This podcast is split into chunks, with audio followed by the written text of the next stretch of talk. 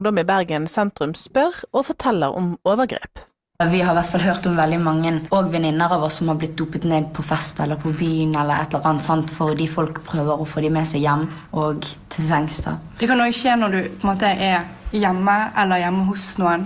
Altså Hvis du er alene med en person, så kan ikke du akkurat skrike sånn 'Å, hjelp, jeg blir voldtatt'. Men da er det på en måte mer sånn at det skjer bare. For du, du kan på en måte ikke gjøre noe med det. Hva forteller unge om eh, seksuelle overgrep og vold? De forteller at de kanskje har vært på en fest, blitt ruset, eh, våkner i en seng med noen som har, eh, fordi hva de opplever, voldtatt dem eh, og vært med på ting de ikke har villet. Og det er derfor det er veldig fint at de kommer og snakker om det, og at de har et sted hvor de kan komme og formidle det. Snakke om følelsene, og vi kan hjelpe de, og vi kan også hjelpe de med å henvise de videre til, til eksperter i forhold til dette. Ja, hva er det de føler? For det første så føler de seg overgrepet, mange føler seg skitne. Mange føler ved å fortelle det, så blir man sett på som den som dette har skjedd med, og ikke på den som de egentlig er. Så derfor så holdes det inne veldig lenge hos noen.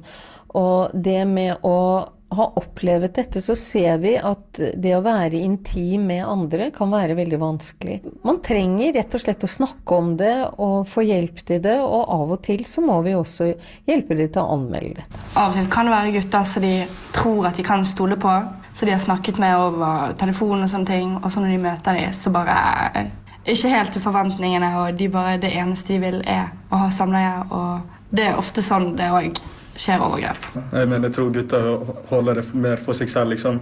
Fordi jeg vet ikke, Jenter liker jo De snakker jo til venninnene sine, sier det videre og sånn.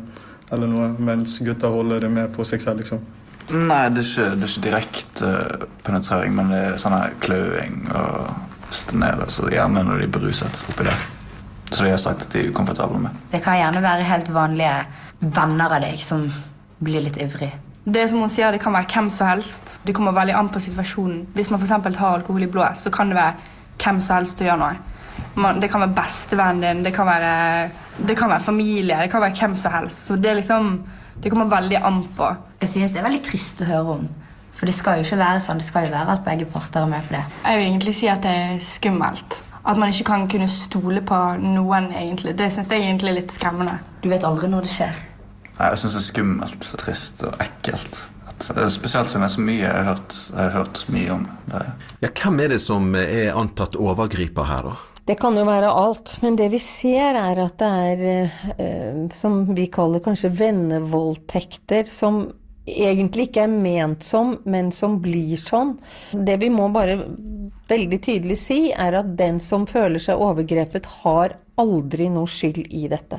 Det kan skje i et klasserom, det kan skje på en fest, det kan skje hjemme på en filmkveld. Altså, kan kanskje bare bli tatt på, blir stukket en hånd ned i buksen på. Sant? Et overgrep er at hvis du, hvis du føler at noen gjør noe eh, med deg seksuelt som har en seksuell betydning uten at du selv vil det, så er det et overgrep. Hva forteller unge om at de er blitt utsatt for seksuell vold? Hva hva være eksempler på det? Seksuell vold kan jo være, være voldtekt, eh, og kan være en voldtekt som, som, eh, rett og slett at du blir, du blir holdt, du blir, eh, du blir, Det kan være flere, sant? det kan være flere, flere gutter og en jente. Det kan, være, det kan gjøre skade. Du får skader av det også. Jeg tror egentlig mest at hvis noen blir utsatt for det, så vil de heller fortelle venner om det overfor familie. Fordi at eh, de ikke vil at familien skal tenke annerledes om de, eller bli mer bekymret, mer overbeskyttende. Men det kommer helt an på foreldre. Sånn, jeg og min mamma vi har veldig bra forhold, så jeg kan på en måte fortelle henne om det. Men jeg vet om mange som ikke hadde sagt noe til sine foreldre, for da hadde de bare klikket. Hvilke konsekvenser kan eh, et overgrep få? Det kan få alvorlige konsekvenser. Vårt råd da er jo å gå og finne noen å snakke med. Eh, hvis ikke så vokser dette inni deg. Sant? Kan få, du kan få psykiske skader av det.